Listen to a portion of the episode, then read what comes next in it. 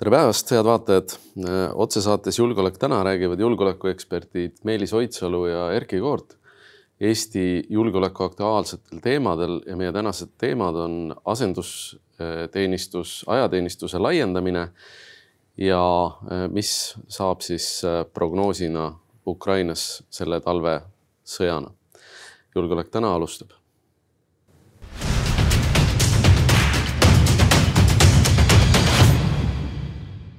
Nii ja lähme esimese teemaga liikvele, et, et mäletatavasti me oleme ka natukene puudutanud seda juba. kindral Herem siis mainis ühel suurepärasel konverentsil, mis oli siis riigikaitse teine konverents. esimene toimus mäletatavasti juba mitu-mitu aastat tagasi enne koroonat, koroona ajal vahepeal need toimuda ei saanud aga selle, selle konverentsi kõige olulisemaks asjaks tundub, et mängiti välja siis kindral Heremi noh, mitte väga uus idee, et ajateenistust võiks pikendada, et sellest rääkisid kõik ajakirjandus, peaminister, erinevad ministrid, julgeolekueksperdid, meiegi sinuga. et mida siis teha, et kuidas lahendada olukord, kui meil tulevad uued relvasüsteemid me ei saa äh, võtta rahuajal, noh, ütleme kuskil on see mõistlikkuse piir, kui palju võtta palgale rahuajal äh, sõjaväelasi. ja, ja teisest küljest on see, et mingisugused väljakutsed tulenevad kas uutest ohtudest, uutest relvasüsteemidest ehk et noh, kust leida see ühiskonna tasakaal, siis kuidas seda nagu väljakutset lahendada? mõnevõrra võib-olla see debatt on läinud nagu vale jalaga teele, et me räägime ajateenistuse pikkusest ja pikendamisest, aga me ei räägi sellest tulemusest, mida kindral Herem tahab saavutada. Ja see on see, et Eestil oleks natukene rohkem väge valmiduses, alalises valmiduses, kui ta praegu on. noh, praegu meie alalise valmiduse üksused, kõige kuulsam neist on Scoutspataljon, koosseis on seal kuskil kuussada äh, inimest, millest noh, osa käib, eks ole, missioonidel, kui parasjagu missioone on, siis on meie õhuväe seiresüsteemid, mis peavad olema kogu aeg käitamisel noh, sõjaväe selline luureosa äh, on noh, keskne osa sellest vähemalt on ka rahuajal mehitatud ja olemas. aga sellega kokkuvõttes noh, meie alaline valmidus ja niisugune noh, püsiv vägi, mis suudaks kohe kiiresti reageerida, piirdubki ja seda on tänases oludes liiga vähe, et soomlased siis, kes selle idee ilmselt andsid ka Heremile pärast äh, Krimmi annekteerimist ärkasid ja siis kaks tuhat seitseteist viidi ellu selline muutus, kus tehti valmidusteenistus. et kui muidu oli seal ajateenistuse väljaõppetsükkel kuus kuud, et siis valmidusteenistuses teine kuus kuud otsa mm. -hmm. et noh, ilmselt sealt see tuleb ja, aga see mõte või debatt ei ole praegu nagu peamiselt selle teenistuse pikkuse peal, sest muide kaheteistkuulist teenistust tänane seadus võimaldab teha. Noh, see on nii-öelda korraldamise küsimus, riigikogus ei peaks tõenäoliselt midagi muutma mhm. ega ühtegi otsust vastu võtma selle jõustamiseks. aga just see, et kui palju me saame nagu kohe reageerivat väge juurde selle muudatusega ja see iseenesest noh, on kriitiline küsimus ja ma arvan, et väga paljudele tuleb üllatusena see, et, et Scoutspataljon on tegelikult üks väheseid äh, üksusi, millega kohe sõdima hakata, sellepärast et noh, ikkagi on esimene jalaväebrigaad, teine jalaväebrigaad, et inimeste tegelikult niisugune uinutav ähm, või, või, või selline uinutav sõnum on olnud see, et, et noh, siin liitlasväed on kohal, kes kohe alustavad, on ju kompromissitut lahingut, aga tegelikult äh, need asjad ei ole päris nii, et noh, Kuperjanovi pataljon ei sõida kohe rindele, et ajateenijaid, äh, kes on küll noh, ütleme niimoodi, et eks ajateenija oma väljaõppe lõpul on igal juhul kõige rohkem valmis sõdur üldse.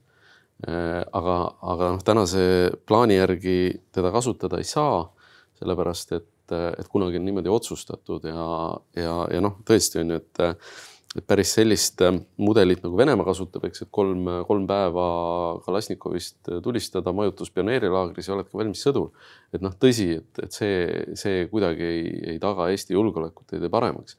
aga ma arvan ka see, et et äh, saada Eestile kohe reageerivat väge, see on, see on päris huvitav, et sa tõid selle, selle noh, info sisse sellesama Soome näite koha pealt et soomlased tegid selle ära ja nad tegid selle ära suhteliselt vaikselt, ilma et see oleks tegelikult Eestis väga suurt tähelepanu toona üldse pälvinud.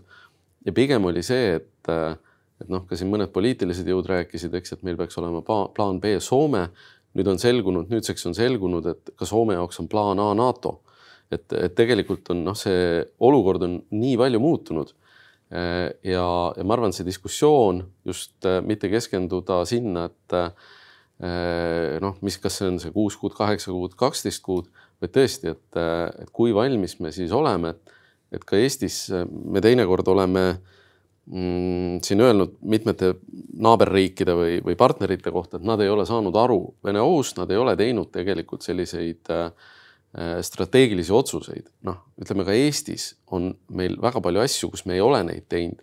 me oleme teinud alles nüüd, noh, kasvõi see keskmaa õhutõrje on ju, millest on ju räägitud oi-oi aastakümneid juba ja, ja tegelikult noh, ei, ei maksa arvata inimestele, et, et keskmaa õhutõrje eh, tähendab seda, et kõik Eesti linnad on õhukaitsega kaetud no,. ei ole, et eh, õhukaitse saab olema ikkagi ainult eh, suures osas nende linnade kohal, kus on meie väed sel hetkel. jah, teine probleem, mida Herem, kindral Herem peab lahendama, ongi see, et tulevad uued võimed ja nende käitamiseks noh, on kaks võimalust, kas võtame tegevväelased või siis äh, laseme läbi sealt ajateenijad, kes siis on selles valmidusteenistuses ja lähevad reservi, on reservist tulles siis noh, võimelised asendama või siis teistes reserviüksustes samu funktsioone äh, täitma. Äh, noh, aja mõttes see kaksteist kuni kaheksateist kuud ei ole mingi utoopia, isegi heaoluriik Norra, Põhjamaa, eks ole, nafta šeigid elavad seal kaheksateist kuud on seal kuni kaheksateist kuud on seal ajateenistus, noh, Iisraelist ei ole mõtet vist rääkida, Iisraelis on naistel kakskümmend neli kuud ja meestel oli vist kolmkümmend kaks kuud ajateenistuses, aga ta on nagu konstantselt sõdiv riik, et seal käib pidev nii-öelda terroritõrje äh, operatsioon. Ja kui sa käid Iisraelis, siis on tänaval ka näha muuhulgas ka siis naisi, kellele samuti on ajateenistus kohustuslik nagu Norraski et, äh, et noh, et kindlasti jah, nende uute võimete äh, nii-öelda personaliressursi kulu saab olema üsna suur. Äh, ja reservteenistuse nagu väärtustamise seisukohalt, nagu Martin Hurt siin Postimehes kirjutas, Kaitseuuringute Keskuse teadur väga hästi. võib-olla lisab see ajateenistusele hoopis midagi kvaliteeti juurde, selles mõttes, et mingi tähendus tekib, et sa saad reaalselt olla nii-öelda sõjamasinaga Äh, teenistuses. Äh, ja ega see nii-öelda ajateenistuse järgselt teenistusse jäämine ei ole ka iseenesest uus nähtus, et meil on siin olnud ka Hereme ajal neid üleajateenijaid, kes lähevad hiljem, eks ole, siis ähm, äh, seal jaoülemateks või, või muude üksuste juhtideks, et, et noh, see kogemus on meil olemas iseenesest, et midagi revolutsioonilist siin idee poolest ei ole ei ole ja, tõsi, see on mõnes mõttes noh, ütleme teatud, teatud punkti tagasipöördumine. mis on selle debati juures veel üks oluline asi? kunagi meil oli ka piirivalve, kus oli, olid ajateenijad, käisid piirivalves, vaid ka lausa Päästeametis. just, just. meil olid ju sõjaväestatud päästeüksused mm -hmm. ja, ja, ja piirivalves tõesti ka ajateenijad, et et jälle, et kui iga kord, kui räägitakse, et kaks tuhat kümme PPA moodustamisega piirivalve nii-öelda see sõjaväeline osa likvideeriti, siis noh, see ei vasta tõele. kaks tuhat kuus likvideeriti, kui, kui Riigikogu võttis vastu äh, piirivalveteenistuse seaduse, et kus äh, piirivalve siis toodi sõjalisest struktuurist äh, tollasel kujul välja. mis, mis puudutab veel seda, seda debatti, siis jah, et, et debatt peaks keskenduma võimetele, eks. küsimus ka selles, et kas kõik kas, kas tegelikult riik vajab korraga on ju kõiki inimesi jääma sinna nii-öelda üle ajateenijaks või ainult osa, sest eh, noh, väga-väga tobe on see, et kui, kui inimesed hakkavad nagu niisama passima, sellepärast et ega miks on ju ka kogu aeg lühendatud ajateenistust, ongi sellel põhjusel, et ei tekiks seda niisama passimist. Jah, Soomes, keda me siin tõime eeskujuks on, on kümme protsenti ajateenijatest jäävad siis eh, sellesse valmidusse ma arvan, et see on väga oluline info, sellepärast et noh, ühiskonnas just, on täna pigem just, see, et noh, kõik see, see puudutab kõiki. ja mõnes mõttes ongi noh, sellel muudatusel kaks poolt. üks pool on see võib-olla suurenev kohustus ja võib-olla ka suurenev teenistuse tähendus selle Eesti inimese jaoks, noore inimese jaoks, kes sinna ajateenistusse läheb enamasti. ja teine on see, et mida kaitsevägi teeb selleks, et see teenistus oleks, no me oleme palju siin rääkinud teenistuse atraktiivsusest kaitseväeteenistus ei pea otseselt kellelegi meeldima, et seal ei pea noh, ütleme ei ole vaja seda nii-öelda üle äh, lakkida kogu seda asja, seal on nagu on, noh, sõda on selline suhteliselt äh, mudane ja loksuv business tegelikult ja noh, seda võib teenistuses ka kogeda. aga siiski, et, et kui vaadata praeguseid neid teenistusaegu ka, et siis noh, kaitseväelt ilmselt sellega Kaitseväe Akadeemia, kes kogu selle pedagoogilise poole uuendamisega ka tegeleb siin et kaitseväelt siis ilmselt noh, tuleb ka mingeid sõnumeid selle kohta, et mida muudetakse ja kaasajastatakse väljaõppes. siin tegelikult on kindral Herem jällegi alustanud juba ammu eh, üht sellist ütleme, kultuurilist, väljaõppekultuurilist muudatust ka, kus siis eh, noh, ütleme, eemaldutakse võib-olla rohkem sellest ideaalist, sellest karjuvast jaoülemast, eks ole, kes, keda me oleme mingites Ameerika filmides harjunud. päris, päris kaugele sellest juba läinud. just, me oleme päris kalju, kaugele läinud, aga et kuidas see tuua siis ka noh, niimoodi ajateenijani, et see lisaväärtus ei ole ainult karjumise puudumine, eks ole mm, -hmm. vaid et seal on ka mingi uudsus selles kasvatustegevuses. kõrgematel ohvitseride kõrgematel haridustasemetel, kus ma mõnes olen kaasa teinud tsivilistina puhtalt, on see kõik juba olemas mm. -hmm. see, kus sa oled pidevalt, eks ole, et kui kaitseväe puhul on ka räägitud sellest molutamisest, täna hommikul just ühe asjatundjaga seal arutasin, et mis see nagu molutamine võiks olla ja noh, tema ütleb, et psühholoogid peavad molutamiseks mitte seda, et ei ole otseselt midagi teha, vaid et sul ei ole väljakutset. et kui sul on noh, baas, sõduri baaskursus seal, kus on nii-öelda kogu aeg on see dopamiini ring käib, et sa teed midagi, pingutad, jõuad tulemuseni, saad sellest selle dopamiini laksu, et kui see mingi hetk ära kaob ja ei tule, ütleme, kas siis keerukamaid või siis sama keerukusega mingeid teistlaadseid ülesandeid sulle seal teenistuse käigus, et siis kaob ka mõnes mõttes nagu huvi ja tähendus ja see valmidus teenistuses iseenesest noh, aitaks võib-olla seda tõsta taas seda dopamiini taset mm. -hmm. selles debatis on minu arust puudu üks äh, väga oluline kild, et me ei räägi selle kontekstis naiste ajateenistusest, mida varasemalt on noh, siit-sealt puudutatud, eks. ja teine asi, millest me ei räägi, me ei räägi nendest, kes ajateenistusest välja jäävad, nimetame siis asendusteenistuseks Äh, seadus seda lubab täna, eks selle võib läbida kas mõne meditsiiniasutuse juures, Päästeametis. Äh, noh, ütleme niimoodi, et eks võimalusi tegelikult on ju veel, et seesama mainitud Iisrael. Äh, noh, Iisraelis on väga-väga selge süsteem, eks, et, et kõik teenivad riiki, et ei ole sellist asja, et sa lähed, pääsed kaitseväest ära, pääsed ära või lähed ära et siis sa, siis sa oled nagu noh, siis sa võid teha, mida tahad või, või sa ei, sina ei pea panustama. ja minu arust on hästi oluline, et ma ka kirjutasin siin ühe arvamusartikli, mis mõnedel kaitseväelastel äh, vererõhu nagu üles tõstis, et, et minu arust seesama asendusteenistuse puudumine on täna see, millest me ei räägi ja, ja minu arust see on väga oluline puudus. sama Iisraeli näide. Iisraelis on aastas aja, äh, asendusteenistuses äh, seitseteist, kaheksateist tuhat inimest see on väga-väga suur arv ja, ja noh, miks see on oluline? Eh, inimestele antakse mingisugused oskused, eh, mis ei puuduta ainult relva kandmist, aga kui need seitseteist, kaheksateist tuhat inimest oskavad paremini anda esmaabi peale seda, siis ühiskonna vastupanuvõime või see resilience või mis iganes, kuidas me seda nimetame, kerksus kasvab oluliselt, sellepärast et see on midagi muud kui see, mida me läbime, eks autokoolis selline kiire kiire esmaabi, noh, baasteadmised. et ja, ja ma olen toonud seda näidet, et Eestis läbib asendusteenistuse aastas umbes viiskümmend, viiskümmend inimest. Iisraelis läbib asendusteenistuse iga aasta umbes viiskümmend pimedat ehk et Iisraelis on rohkem pimedaid asendusteenistuses kui Eestis nägijaid. ja, ja minu arust on see nagu probleem, et me sellest ei räägi, seda on aeg-ajalt nagu poliitikutena äh, Äh, poliitikud on aeg-ajalt sellest hakanud kinni, sellest ideest.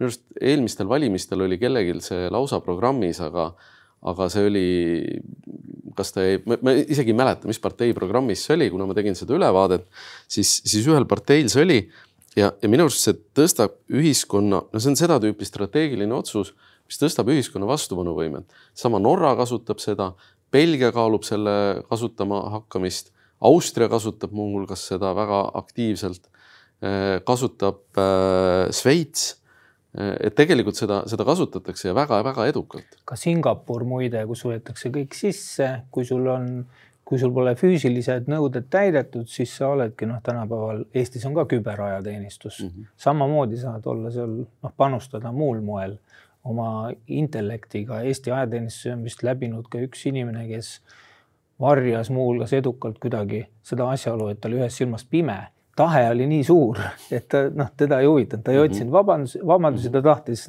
nii-öelda kaasa lüüa ja tegelikult nagu noh, võimaldati, ütleme niimoodi. ja sellesama, äh, sellesama asendusteenistusega ma toon näite jälle nagu teisest äärmusest, kus inimene tahtis ka tulla, ütles, et relva ta kanda ei tahaks.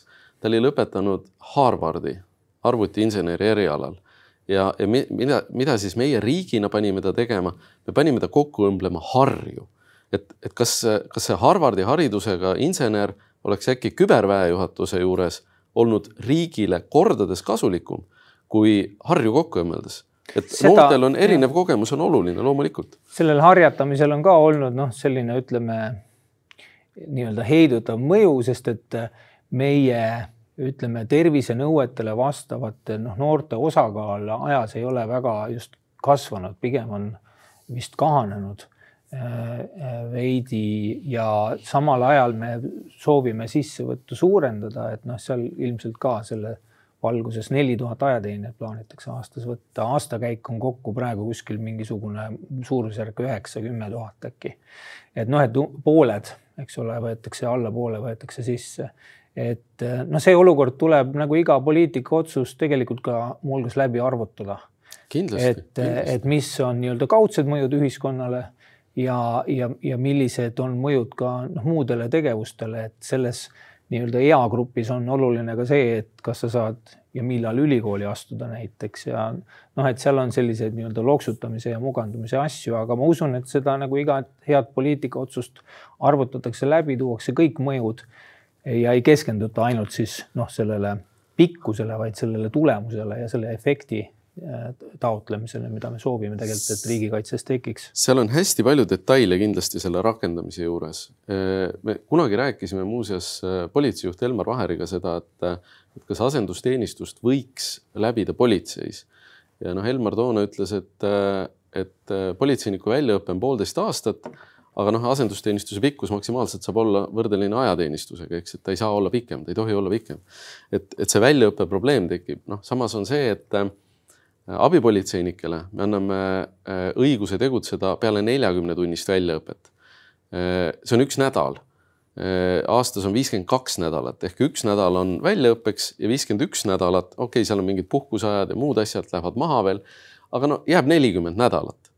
See on, see on nagu väga-väga oluline ressurss, mida me täna noh, ei kasuta ja ma ütleks ka niimoodi, et kui, kui täna noh, mõnel inimesel võib olla ajateenistusse võib olla huvi ajateenistusse mitte minna. ja, ja peale seda, kui ta on äh, tervislike nõuete osas kõlbmatu, ta, tal ei ole kohustusi peale seda. nüüd, kui ta peab igal juhul minema, siis võib-olla on tema huvi ajateenistusse minna suurem kui minna asendusteenistusse, sest ta teab, et ta igal juhul peab panustama.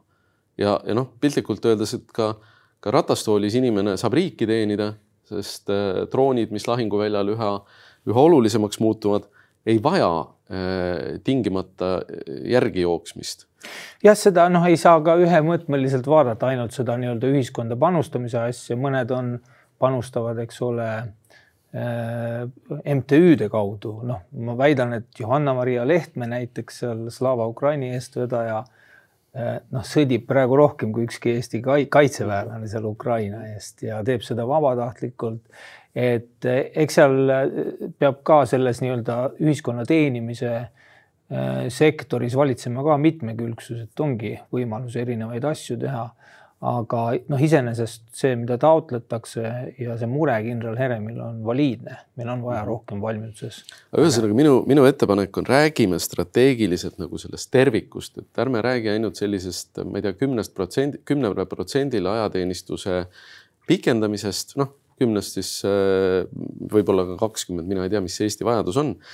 Äh, valimised on tulemas, poliitikud, see on teema, mis tegelikult vajab terviklikku debatti Eesti julgeoleku kontekstis, sest see võimaldab strateegilist muutust, mida noh, väga palju sellised kosmeetilised parandused, mille üle tegelikult debattides selline jauramine käib noh, ei, ei loo nagu tegelikkuses seda juurde jah, siin Reformierakond juba tegi algust, kuna noh, kogu selles julgeolekusektoris on käinud asjakohane, aga siiski nagu poliitiline ülepakkumine, siis Reformierakond kavalalt pani juba välja oma valimisprogrammi äh, julgeoleku osa esimesena, mhm. kus siis pandi kolm protsenti äh, kulu äh, SKP-st kaitsekuludeks, seal olid veel mõned mitte noh, väga siuksed üldised asjad aga see ajateenistuse reform oli üks nende seast, nii et see mõnes mõttes noh, ilmselt on üks asi, mis tuleb valimistel või pärast valimisi mõningaid noh, ebapopulaarseid asju ei taheta üldse valimistel rääkida, plaanitakse ära teha pärast. aga et ilmselt noh, me näeme järgmisel aastal, et vastavad siis mingid kavad ka valitsusse jõuavad seda ajateenistusreformi läbi viia. noh, tõenäoliselt sellega läheb natukene aega, sest Herem ei reklaaminud ka niisugust terviklikku läbimõeldud poliitika ettepanekut, vaid oma kui äh, sõjamehe vajadust ja noh, omada suuremas valmiduses väge mm. -hmm. tõsi, aga tõmbame selle teema kokku sellise mõttega, et kui Eesti võrdleb ennast tihtipeale põhjamaise Iisraeliga, siis äh, minu arust väga kõnekas on ikkagi see, et äh, Iisraelis on asendusteenistuses rohkem pimedaid, kui Eestis on näge-, nägijaid ja see võiks olla mõtlemapanev koht, aga vahetame teemat.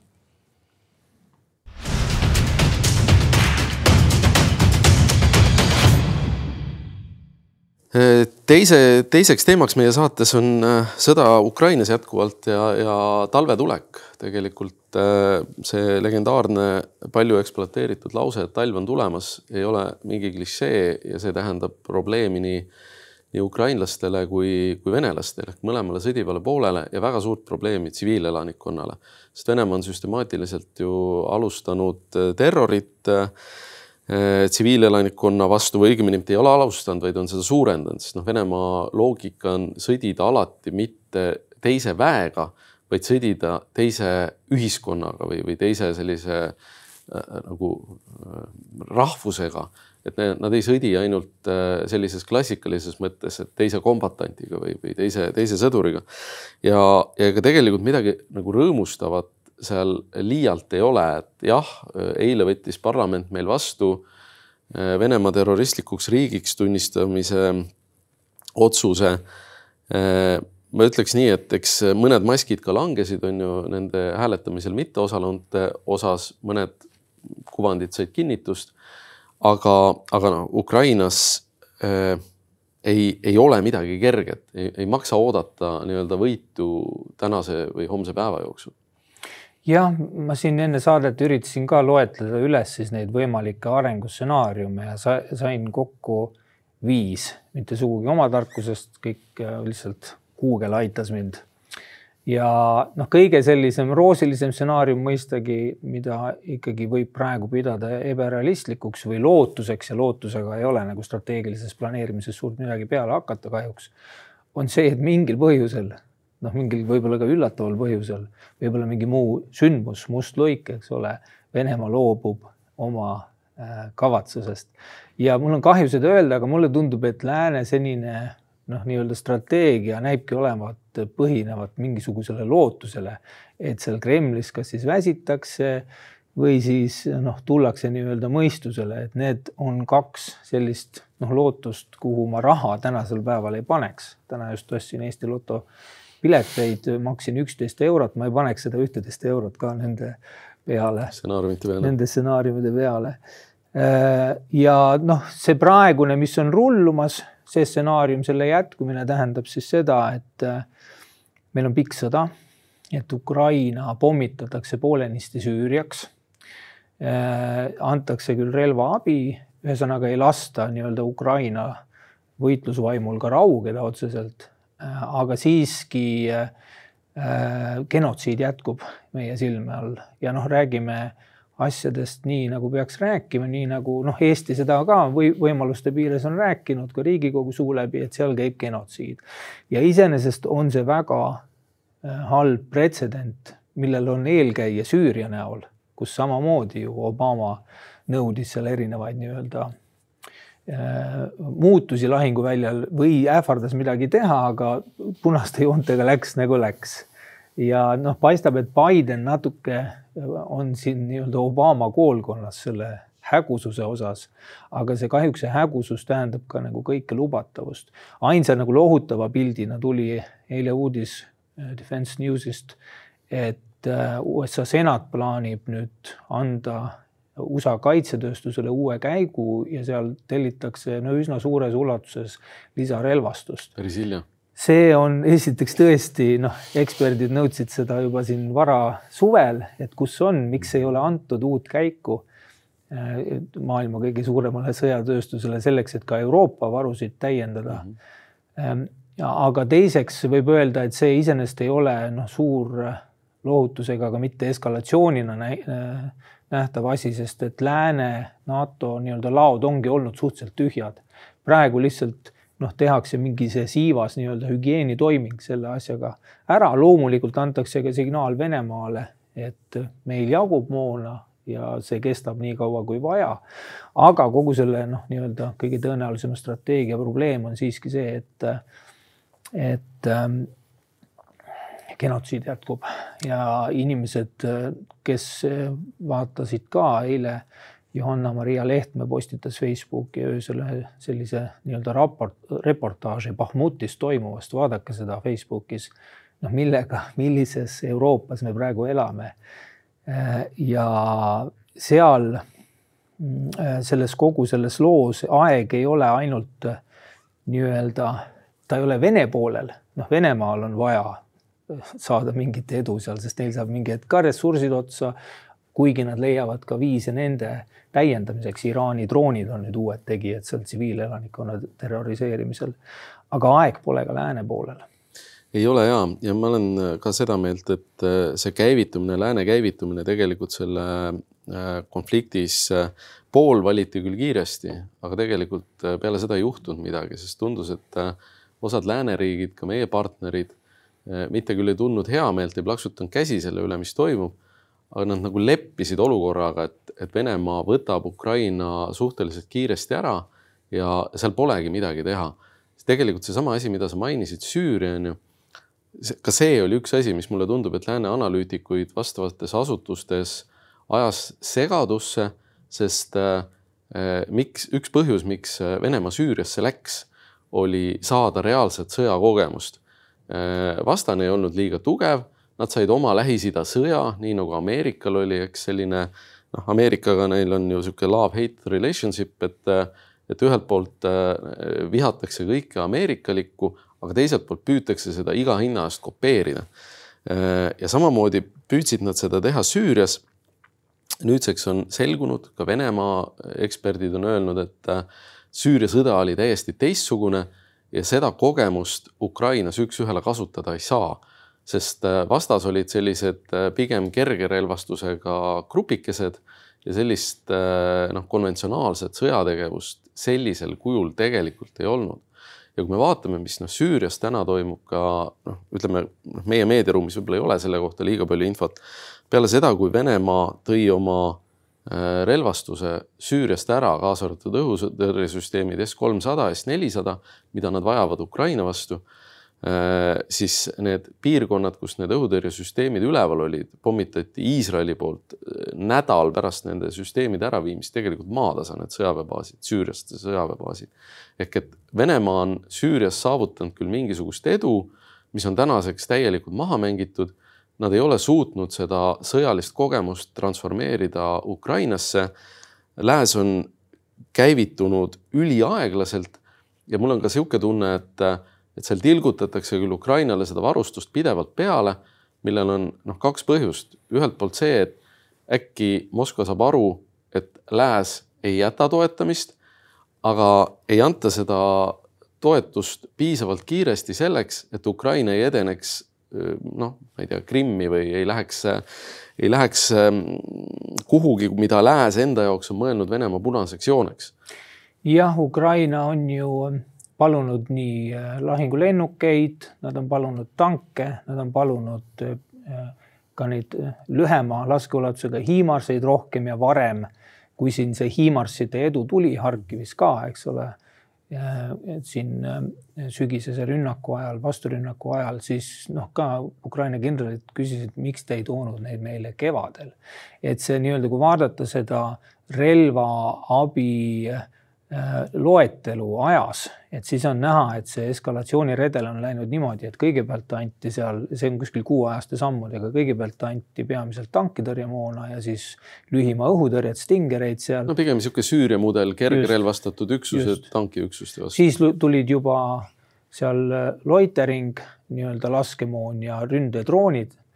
Äh, siis edasi laevatõrjeraketid, harpuun ja sealt edasi siis lõpuks ja siis äh, tulid ka haubitsad, need lühema paarikümne kilomeetri laskeulatusega, siis edasi juba HIMARS-id, aga see tõesti on tulnud hästi aeglaselt, kui vaadata nii-öelda eskalatsiooni loogikast seal, mida on kogu aeg öeldud, et me ei tohi eskaleerida, oleme siin ettevaatlikud mm. -hmm. siis ausalt öeldes noh, see jutt lihtsalt ei pea vett, et seal on nagu millimeetriga eskaleeritud noh, olukorras, kus vastane on juba noh, võib-olla mitte kilomeetriga, aga noh, paarisaja meetriga eest ära pannud. no eks muidugi Lääs ilmselt kartis ka seda, et äh, Ukraina käest satuvad need relvad Venemaa kätte lihtsalt trofeerelvadeks äh, ja võib-olla ka see, et kas Venemaa suudab need kasutusele võtta siis oma sõjatööstuses, et ei tasu muretseda, ei suuda.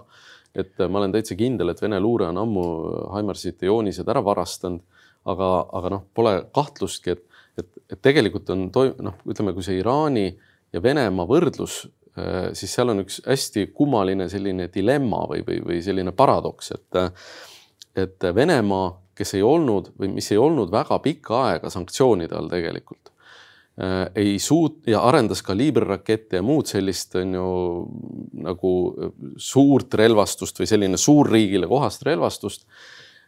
ja tegelikult ei, ei suutnud selle arendamisega noh, suurt kaugele jõuda nüüd Iraan, mis on olnud aastakümneid sanktsioonide all, suutis arendada siis äh, odavaid äh, ründedroone, mida nüüd võtab kasutusele seesama suurriik, kellel noh, ütleme need üheksanda mai paraadid on ju Punasel väljakul, pidid demonstreerima sõjalist üleolekut kogu maailmale.